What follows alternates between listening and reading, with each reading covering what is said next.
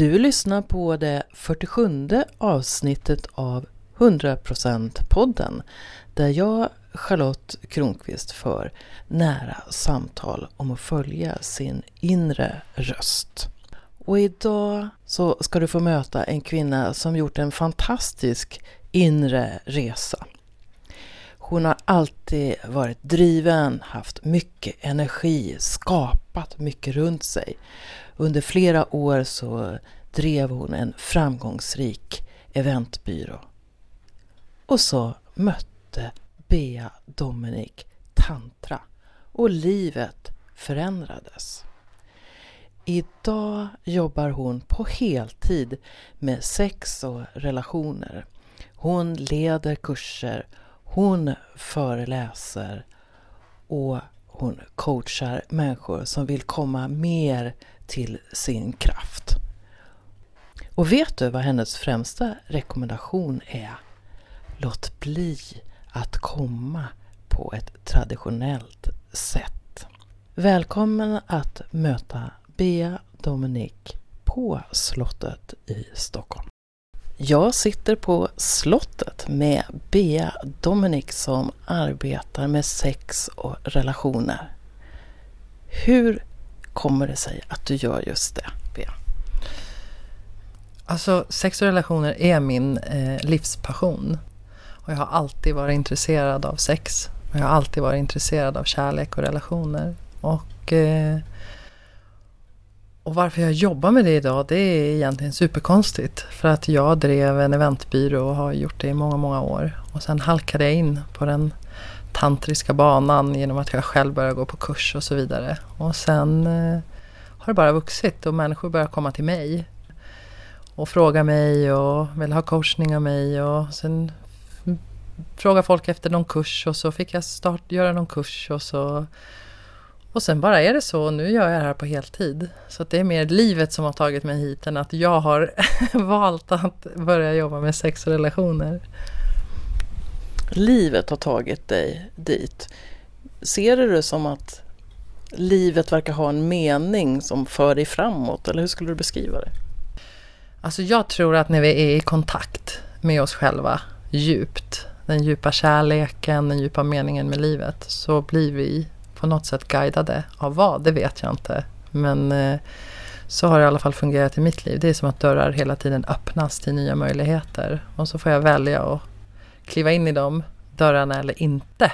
Ofta så är det min rädsla som gör att jag står kvar. Eller min litenhet eller så. Men när jag kliver in i dörren då är det oftast magi där bakom. Och så händer det saker som jag inte ens har förväntat mig. När du står där vid, vid en ny dörr, vad är det som avgör om du börjar glänta på den? Alltså ofta så är det ju eh, att jag inte lyssnar på min litenhet och min rädsla. Att jag inte skulle vara tillräcklig på något sätt. Att jag, att jag hör den, jag låter den vara där men jag låter inte den styra. Den får inte ta ratten utan det är min, eh, min nyfikenhet och min livsglädje mer som får styra. Och då vågar jag ofta kliva in genom den här dörren. Och vad skulle du säga är den här litenheten i dig?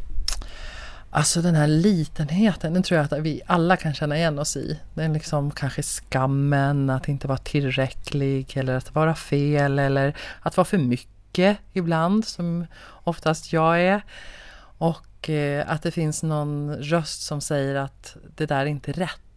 Du är inte tillräcklig, du borde kunna lite mer eller det är någon annan som är bättre eller så vidare. Och jag har ju haft mycket det i livet. Eh, men jobbat, jobbat mycket med mig själv för att komma över de sakerna och tro på mig själv. Så när du står där, om vi fortsätter metaforen mm. dörren. Du står där och sen så eh, tvekar du lite grann. Mm. Hur vet du när det är ett nej? Mm, bra fråga. Alltså jag tycker att det känns i kroppen om det är ett ja eller nej. Och jag känner när det är rädsla. Eller om, om det är på riktigt en gräns som jag inte ska kliva in i. Och jag tror att det är livserfarenhet. Jag tror att jag har fått liksom det är som ett instrument. Så jag har fått stämma mitt instrument så att det är liksom, nej men nu låter det bra. Nu, nu är det vacker klang här. Jag, jag vågar att kliva in i den. Och känner jag inte det, känner jag att det är situationer där jag kanske känner mig utnyttjad eller att det inte är rätt och känns rätt för mig. Då har jag också lärt mig att säga nej idag. Lika mycket som jag säger ja, så säger jag också nej. Och det öppnar också nya dörrar. Jag tycker det där är så spännande. Jag, jag har varit med om situationer i mitt liv där min gut feeling har sagt så här. Det där ska du inte göra. Men sen har jag blivit lite smickrad. Mm. Alltså någon har tillfrågat mig. Åh Charlotte kan du vara med i det här projektet? Mm. Och vid några tillfällen så har jag gjort det. Mm. Och så långt senare så bara så här. Jag hade en gut feeling. Jag skulle inte ha gjort det. Mm.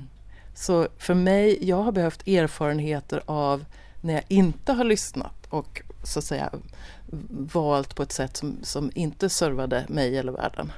Kan du känna igen det? Ja men absolut, det är ju det som bygger erfarenheten. Det är ju att göra misstag naturligtvis. Och precis som du säger, att bli smickrad. Och ofta är det någon annans behov. Och, eh, och just att inte då, alltså att sakta ner. Det jobbar jag jättemycket med, att sakta ner i mitt liv. Jag har ju varit så ett, enormt eh, impulsiv och spontan och så vidare. Också för att kanske jag har fått bekräftelse som du säger, att andra människor har velat och då har det gett mig en kick att få en bekräftelse av några andra. Och då har jag på något sätt också tappat bort mig själv på vägen. Så min practice mycket nu, det är att sakta ner eh, i livet så att jag kan hela tiden vara i kontakt med min gut feeling då, min intuition som är superstark. Sakta ner, jag, jag, jag tänker på det finns ju sådana här slow cities och slow food och alla möjliga saker, eh, meditation och så. Vad är verktyg för dig för att sakta ner? Alltså verktyg för mig, det är egentligen allting där jag blir i mer kontakt med mina känslor. Och det kan vara för mig är det att vara i naturen. Att inte jobba för mycket. Och nu har jag ett jobb där jag väljer själv hur mycket jag vill jobba och det är jätteviktigt för mig. Att vara med barn tycker jag är helt fantastiskt. Det öppnar mitt hjärta jättemycket. Att dansa, att bara sätta på musik och dansa hemma. Meditera som du säger. Och, um, egentligen bara sådär gå genom parken och gå lite saktare. Lite långsammare och bara njuta. För att sakta för mig betyder inte att det blir mindre kraftfullt. Det är tvärtom för mig. Det blir mer kraftfullt. Jag känner ännu mer. Att verkligen ehm, äta sakta och bara njuta av den. Istället för att kasta i mig maten till exempel. Och känna hur det smakar. Och känna hur det smakar. Att älska sakta. Att verkligen vara i det som är, att vara närvarande med mig själv och med någon annan i mötet till exempel. Att sakta ner. Jag är ju, så, jag är ju en väldigt överentusiastisk person som också lätt dras med av mina starka känslor och kan bli jättesprallig och mycket energi och så vidare. Och det är jätte, jättehärligt men då också måste jag på något sätt hämta hem mig själv. Mycket egen tid är viktigt för mig. Helst nu när jag är i en relation också, att jag har egen tid, att jag är med mig. Vi har ju känt varandra eh, i några år nu. Jag försökte räkna efter men eh, det, i alla fall 2008, 2009 mm. någonting i den mm. stilen. Mm. Så vi har sett varandra lite grann eh, på håll. Och när jag lärde känna dig så såg du helt annorlunda ut. Mm. Och din röst var lite högre pitchad skulle jag säga också. Vad är det som har hänt?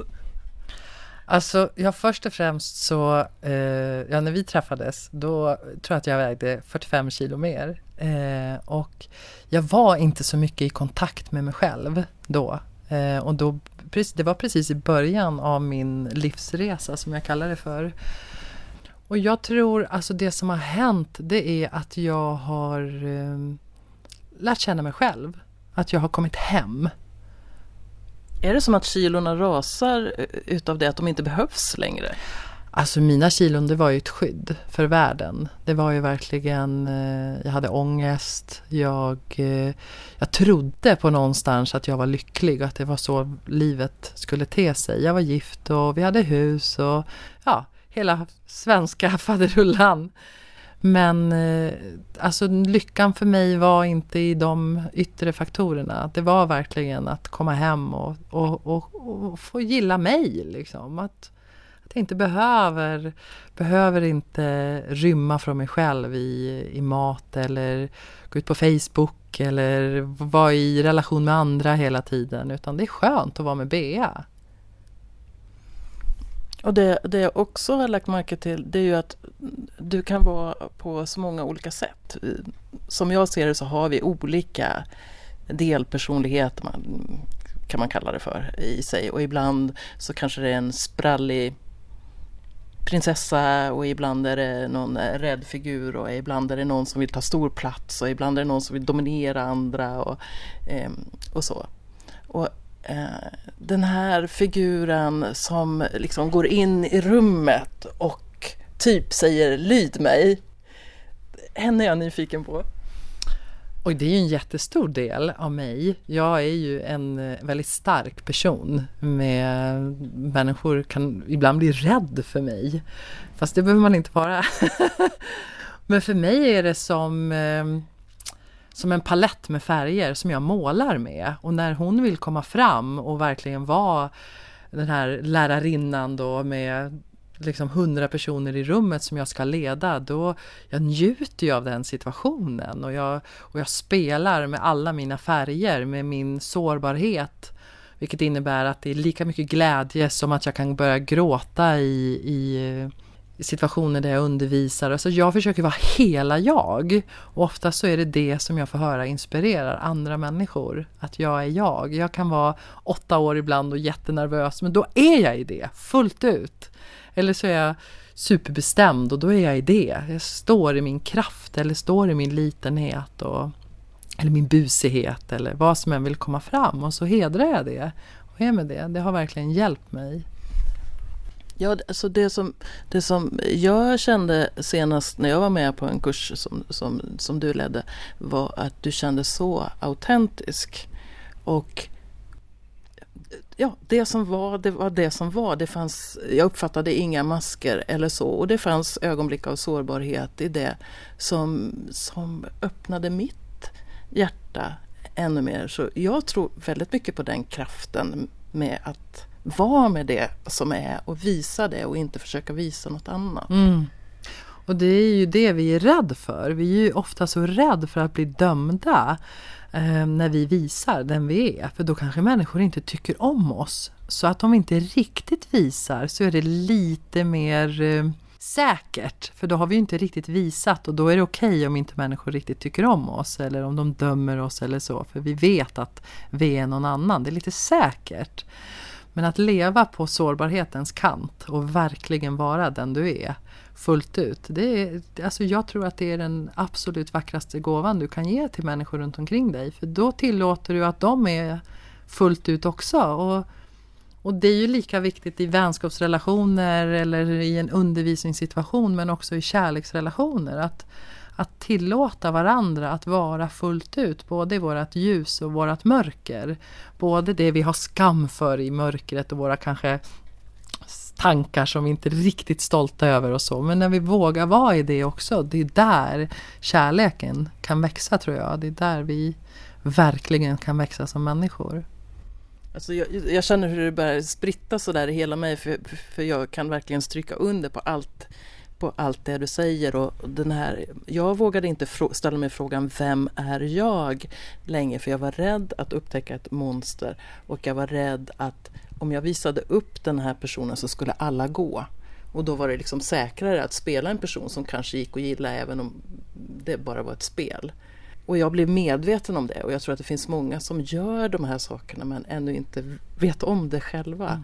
De... Men, och jag tror inte att det är så konstigt därför att om du tittar på barn, hur vi uppfostrar barn idag eller hur, hur jag också blir uppfostrad. Jag har haft en väldigt, väldigt frigjord mamma jag har, som har givit mig så mycket spektra i livet. Hon är sårbar, hon är tokig, hon är klok, hon är så mycket min mamma. Liksom. Och där har jag verkligen fått en gåva. Men så många får ju bara kärlek och uppskattning av när de sköter sig eller man ska inte vara arg, man ska inte vara det, man ska inte vara det och därför lär vi oss att bara ha ett spektra i livet för det är där vi får bekräftelse och det är där vi får samhörighet med andra människor. Så jag tycker inte att det är så konstigt att det är så. Så vi behöver också med våra barn, tycker jag, liksom lära oss att det är okej okay alla har konstiga tankar och kanske hat och hämnd och svartsjuka och skam och allt vad vi går och bär på och det är okej. Okay. Och, och, inte bara ge kärlek när barnen är små prinsar och prinsessor. Jag har skrivit en bok som heter 100% Charlotte, ta ditt inre ledarskap och där raddar jag upp alla de här sakerna, de som jag kom på när jag skrev boken till exempel, det kan vara arrogans eller vilka försvarsmekanismer man har och så. För att säga, det här var förut i skuggan, nu tar jag fram det. Det händer att jag ljuger, det händer att jag skuldbelägger, det händer, ja, alla de här sakerna händer, det är en del utav mig. Och jag tror ju att det är så att när vi, när vi vågar se de sakerna, vad vi har för oss egentligen, så kommer det ju från skuggan och in i, i det öppna och då, då kan vi leva mycket mer fritt också. Men att tro att, jag menar jag har fortfarande så här högfärdiga grejer som, som, som kommer emellanåt och så då får jag mer så här, oops! Nu kom den här grejen. Mm. Men inte försöka bara, man behöver inte ge det gödsla eller alltså, ja, får det växa mer. Men man kan bara säga, okej, okay, det här är också en del av mig. Jag tror vi, att vi är allt, mm. liksom har alla känslor mm. och så. Men när vi trycker ner dem. Jo men och det har vi ju naturligtvis. Jag känner igen mig själv i det där. Och, och, och det kan vara så att, att arrogans då eller när man tror att man är mer än någon annan och helst i, i, i Sverige med våran jantelag att man får inte sticka ut och vi ska se likadana ut och det är liksom sådär. Så är det super superviktigt att verkligen våga vara med också känslan av när, det blir, när man nästan känner skam över att erkänna de här sakerna. Och jag jobbar ju jättemycket med det i relationen. I min relation till min sambo. Att verkligen eh, våga vara med skammen. Och, och erkänna det för honom. Och prata med honom om det och visa det. Och, också veta att känslor är bara känslor. Känslor är bara energi. Det är ingenting att vara rädd för. De flesta människor är jätterädd för känslor. Som när, när det kommer skam eller ångest eller ilska eller litenhet eller vad det än är. Så försöker vi förtrycka det eller ta bort det och vi försöker eh, kanske ja, sysselsätta oss med någonting eller ja, men söka bekräftelse hos andra till exempel. Och det, det utmynnar ju ofta i någon form av beroende. Och det är för att vi inte vågar vara i kontakt med det här jobbiga i oss. Och lär vi oss bara till exempel via mindfulness meditation att vara med det som är och vara i full acceptans för det som är och inte försöka ändra det så försvinner det oftast och det transformeras oftast. Det är som monstren under sängen. Liksom. När man sätter på lampan så finns de inte där längre. Då försvinner de efter ett tag. Och när du då vågar visa det här för din, för din sambo, vad händer med ditt hjärta då? Alltså mitt hjärta öppnas ju ännu mer kärlek. Och också märker att han öppnar sitt hjärta i ännu mer kärlek till mig. Så ju mer vi visar av det vi inte riktigt vågar visa för varandra, ju mer älskar vi varandra. Det, det känns så vackert. Mm, det är väldigt vackert. Och det är en sån vacker resa. Och vi, vi sa till varandra, vi var i Skåne och, och hälsade på i hans eh, föräldrahem nu i, i veckan och träffade hans gamla vänner. Och då, då satt vi en morgon och, och bara tittade på varandra och säger det, det är som magi det som händer mellan oss nu. Det är, det är magiskt att få vara i, i allting med varandra och bli så älskad av en annan person och genom det börja älska oss själva ännu, ännu mer. Så vad är kärlek för dig? Oj, vilken stor fråga! vad är kärlek? Alltså kärlek är ju för mig en handling. Det är att stå vid en annan person. Att veta att jag står vid dig. Du kan vara allt med mig. Och, och så hjälpa varandra att vara allt i livet. Att våga i livet, att inte gömma oss i litenhet. Och han är helt fantastisk på att få fram mig och att höja mig och så vidare när jag inte vågar och jag gör detsamma med honom. Men kanske inte som någon mamma och pappa där vi fixar varandra utan mer ja, men livs, vi är varandras livspartner och vi, vi står där och, och jag vet att han kan eh, vara för jäklig ibland och jag kan vara för jäklig ibland men vi är där i alla fall. Vi, det, är som, eh, det är som David Deida säger, don't redraw your love. Alltså ta inte, ta, inte, ta, ta, inte tillbaka kärleken utan stå i kärlek. Och det är, det är när man gör det och vågar göra det, det är magiskt. Du har ju börjat hålla kurser för par eh, nu och, och jag har sett en beskrivning av hur, hur som kanske är Deidas då, hur, hur parrelationer har utvecklats från 50-talet och framåt. Där det första steget är det här traditionella med machomannen och hemmafrun. Typ. Mm, mm. Och sen kommer ett andra steg där det är mycket codependency. Skulle du kunna My, Mycket, alltså precis. David Eida pratar om tre olika stadier och det är i både relationer och i livet. Och vi har alla, alla stadier eh, i oss. Så det är inte så att vi det var någonting på 50-talet och det är någonting nu därför att det finns fortfarande. Men det var väldigt typiskt på 50-talet, precis, precis som du säger, så här, mannen var man och kvinnan var kvinnan och man skulle göra som, man, som mannen sa. Eller så länge du håller hemmet vackert och städar åt mig så får du vara min fru och jag tillser dig med pengar och så vidare. Och sen så, bara för att generalisera, så gick vi in i 70-talet där mannen också hittade det feminina och sina känslor och, och flödet i livet och så vidare. Och kvinnor började jobba och liksom hittade sin egen maskulina riktning då, som vi pratar om i tantran. Och det är, egentligen, det är ju egentligen superhälsosamt. Det är väl självklart att män ska vara i kontakt med sin känslokropp och, och kvinnor ska ha rätt, samma rättigheter som män och att vi kan jobba och så, och så vidare. Men i de här relationerna, i de här stadierna så är det ofta som first stage som han pratar om, den här 50-talsmodellen. Så är det ofta när vi har relation för att vi vill ha något av den andra. Jag har ett behov av bekräftelse till exempel av dig och det kan ju vara en vänskapsrelation, arbetsrelation eller kärleksrelation. Jag har ett behov av bekräftelse och gör du inte som jag säger eller vill så, och jag måste känna mina känslor, då blir jag arg på dig. Jag vill, vi skapar skuld hos andra till exempel och manipulerar andra för att få dem att göra så som vi vill. Ofta för att vi inte vill känna känslor. Och I det andra stadiet i den här 70-talsmodellen eh, som han räknar upp så är det mycket om harmoni. Vi vill inte ha, vi vill inte rock the boat eh, för mycket. Liksom. Vi vill att det ska vara lugnt och harmoniskt och det innebär också att vi inte tar upp saker. Vi ger inte varandra ärlig och konkret feedback så vi växer till exempel utan det är mer harmoni. Och det finns ju många olika typer av, av relationer. Men i mitt fall så vill jag, vill jag vara i en väldigt djup kärleksrelation.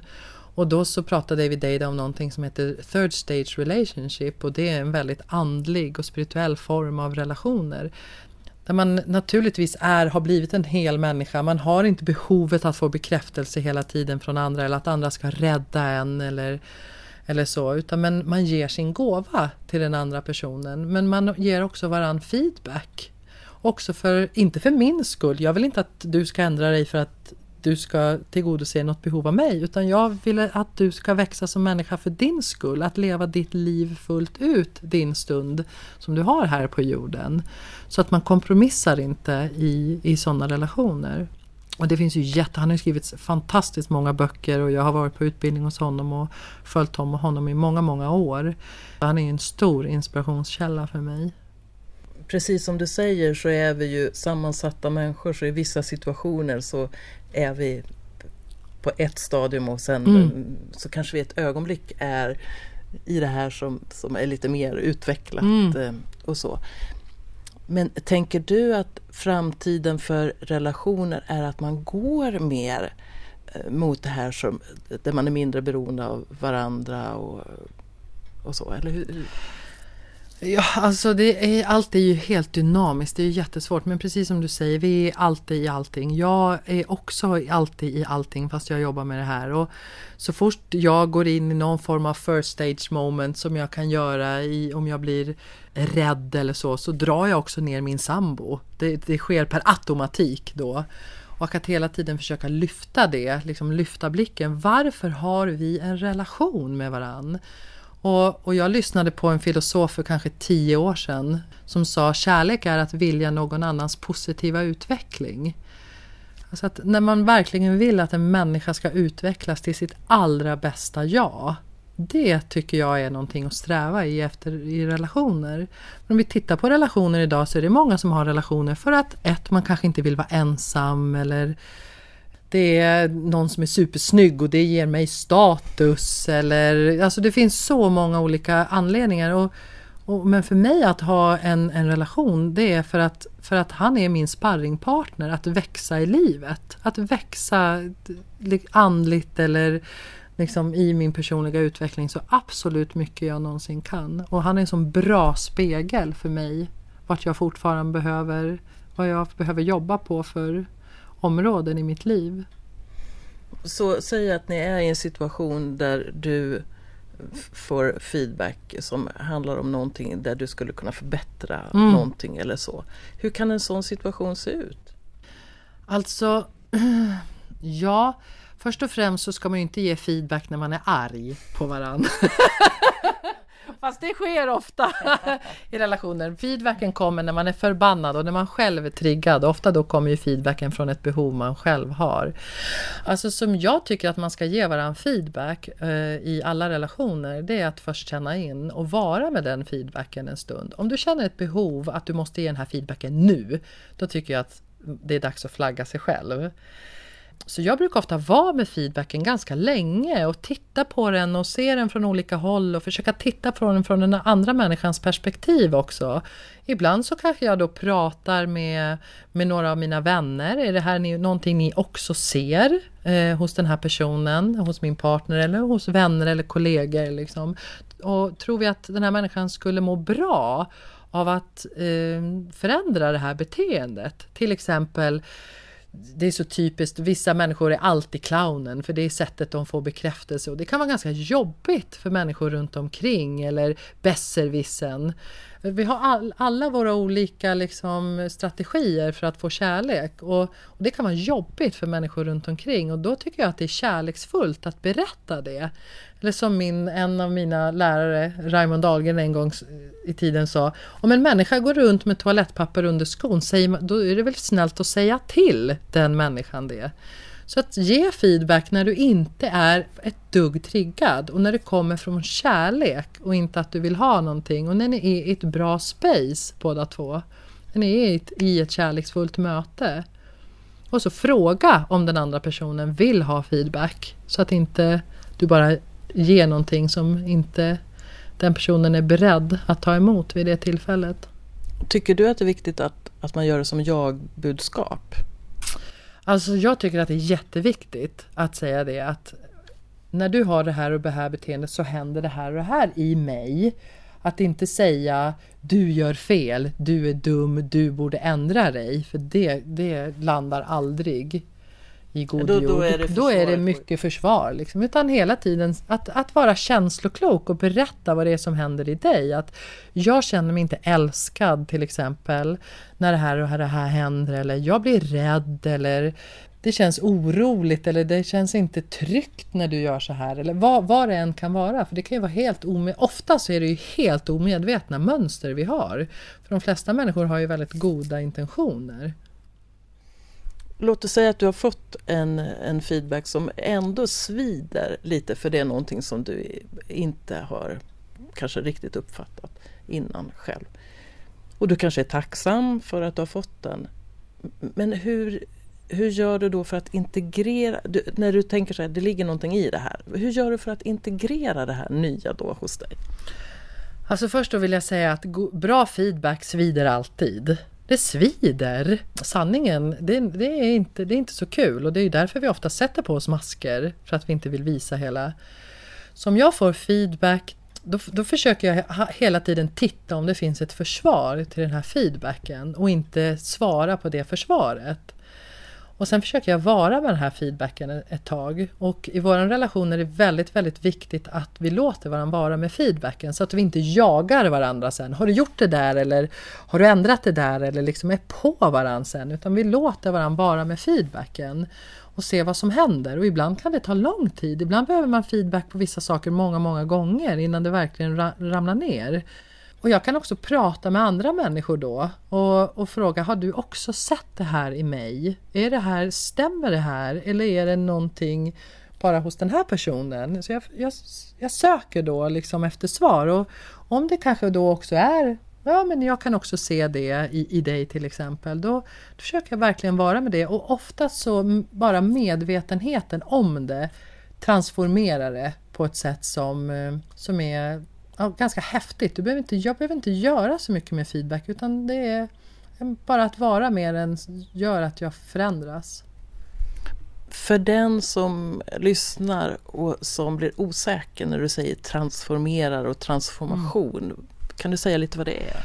Ja men alltså när det omvandlas. Ja, när någonting går från ett stadie till ett annat stadie.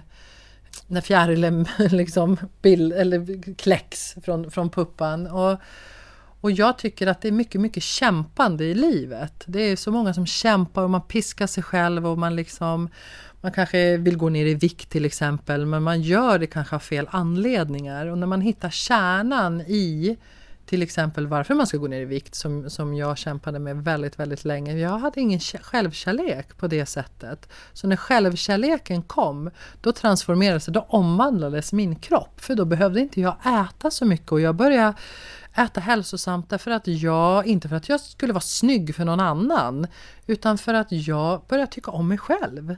Mm, bra beskrivning tycker jag. För det är ju det där att få, börja få syn på vilka är mina drivkrafter och hur mycket av dem handlar om att få bekräftelse från andra och hur mycket handlar om att hämta hem mig själv så att jag är den här människan som jag är här för att vara och inte en kopia. Mm, mm. Och det är ju så, det kan ju visa sig på så många olika sätt. Till exempel oförmågan att sätta gränser är ju en sån sak. Att vara clownen eller besserwissern, det är så tydliga saker. Men, men till exempel också att inte våga sätta gränser kring andra människor. Det är ju en jättestarkt behov av att bli älskad. Att om jag sätter en gräns mot dig så kanske du inte vill vara med mig. Och jag och jag har sånt behov av att få vara med i det här gänget eller med den här vänskapen eller i den här relationen. Så att jag tallar på min, min egen sanning någonstans. Det är ju en jättestor grej och som väldigt, väldigt många människor jobbar med och som jag har jobbat med jättemycket i mitt liv.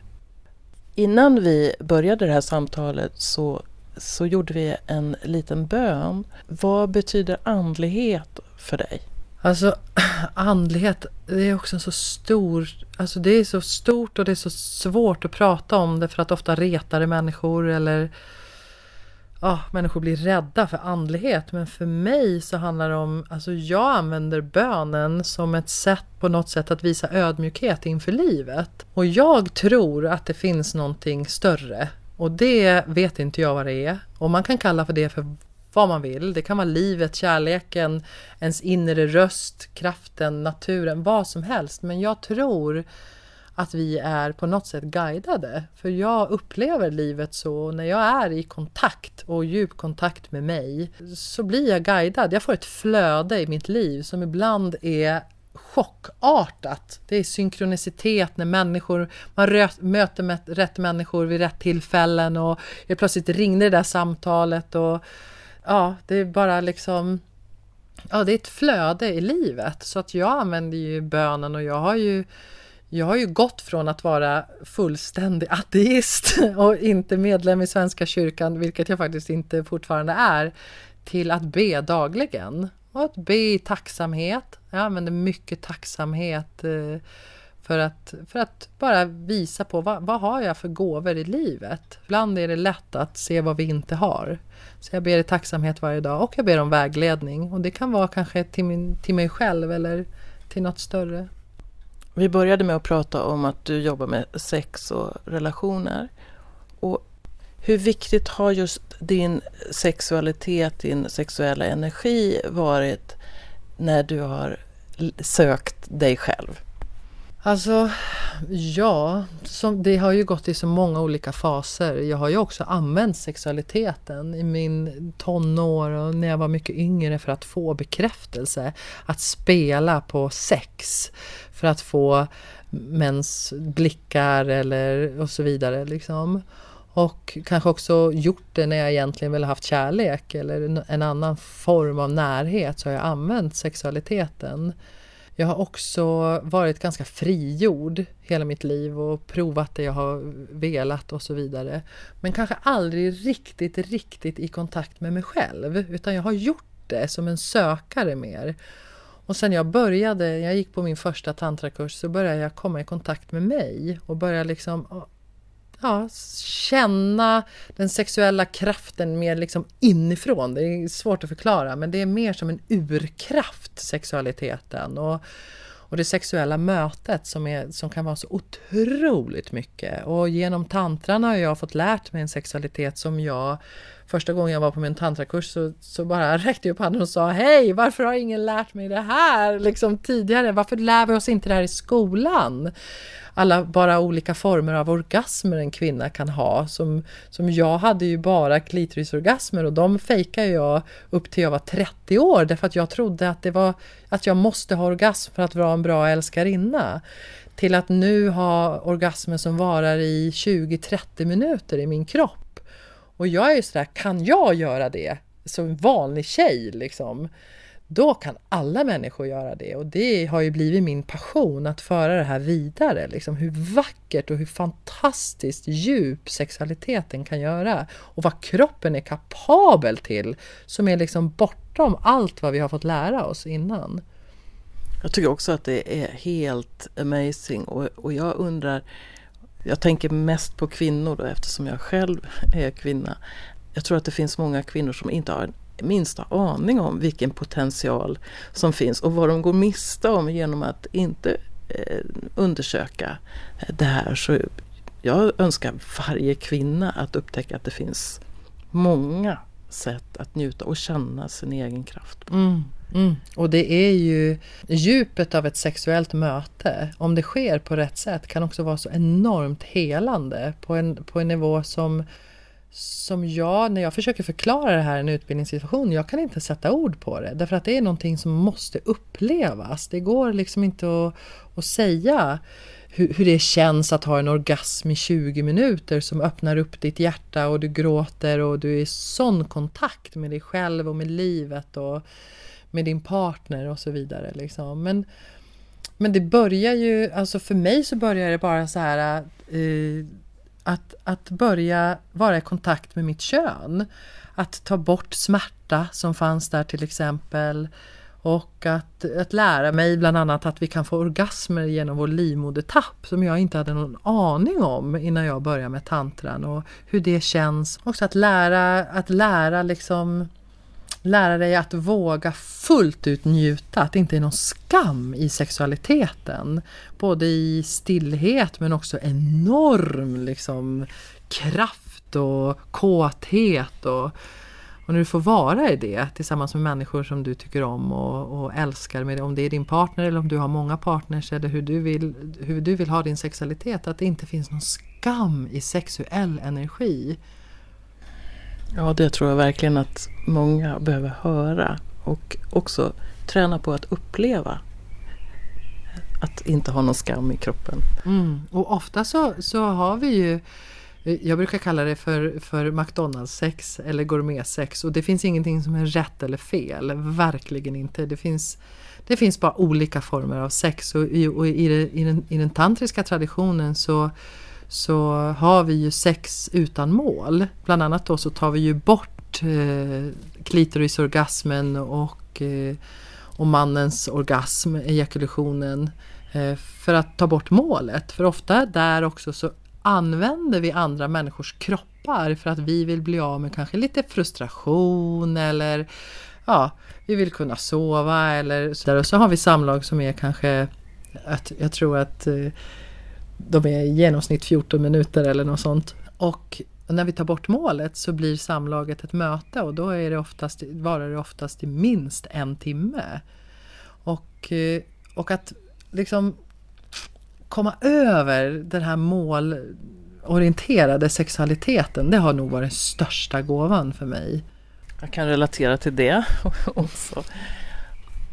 Jag brukar låta dem jag pratar med i de här samtalen ge någon form av lite tips eller, eh, eller så. Något enkelt som en person kan göra.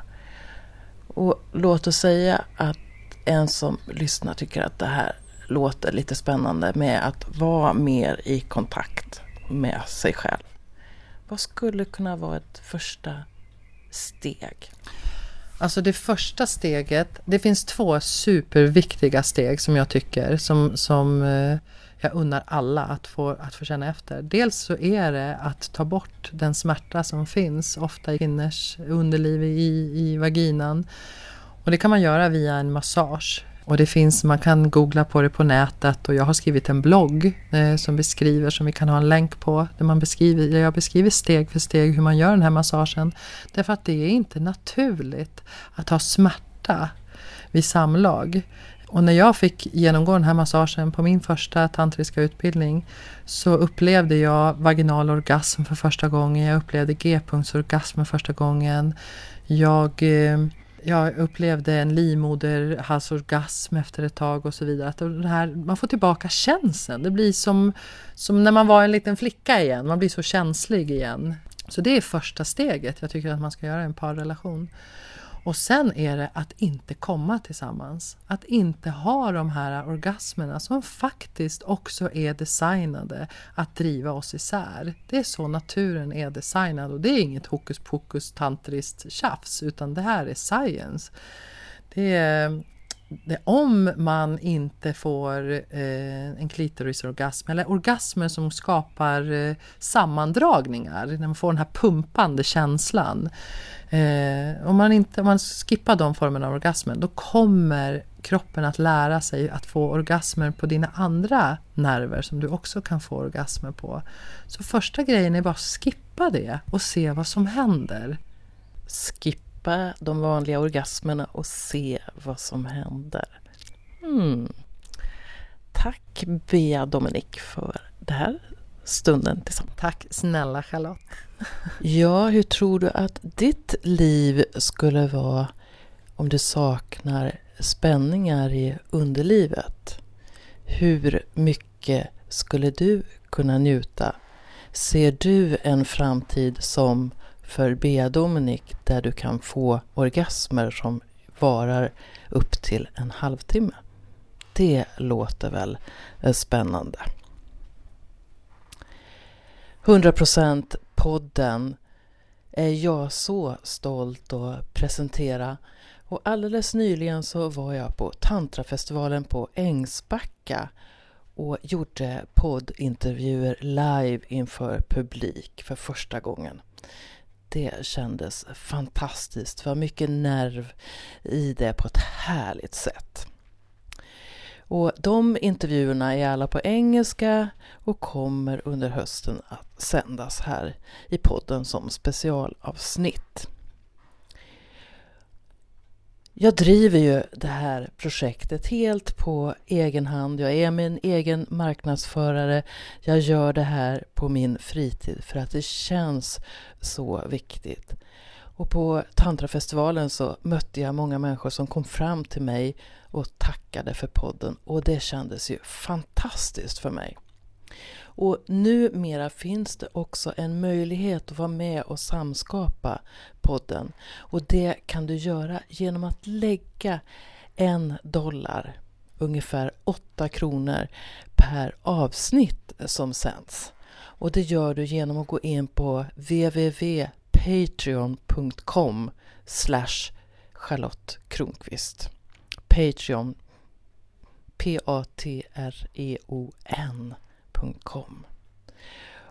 Och det skulle vara så roligt att känna att just du är med och samskapar 100% podden så att det blir ett riktigt långvarigt projekt.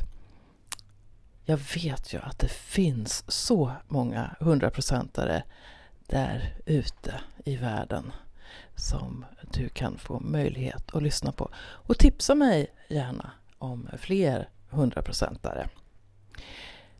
Men just nu kan du ju bara sluta dina ögon en liten stund. Ta ett djupt andetag och fundera på hur kan ditt liv bli mer orgasmiskt? Tack för att du är med och lyssnar.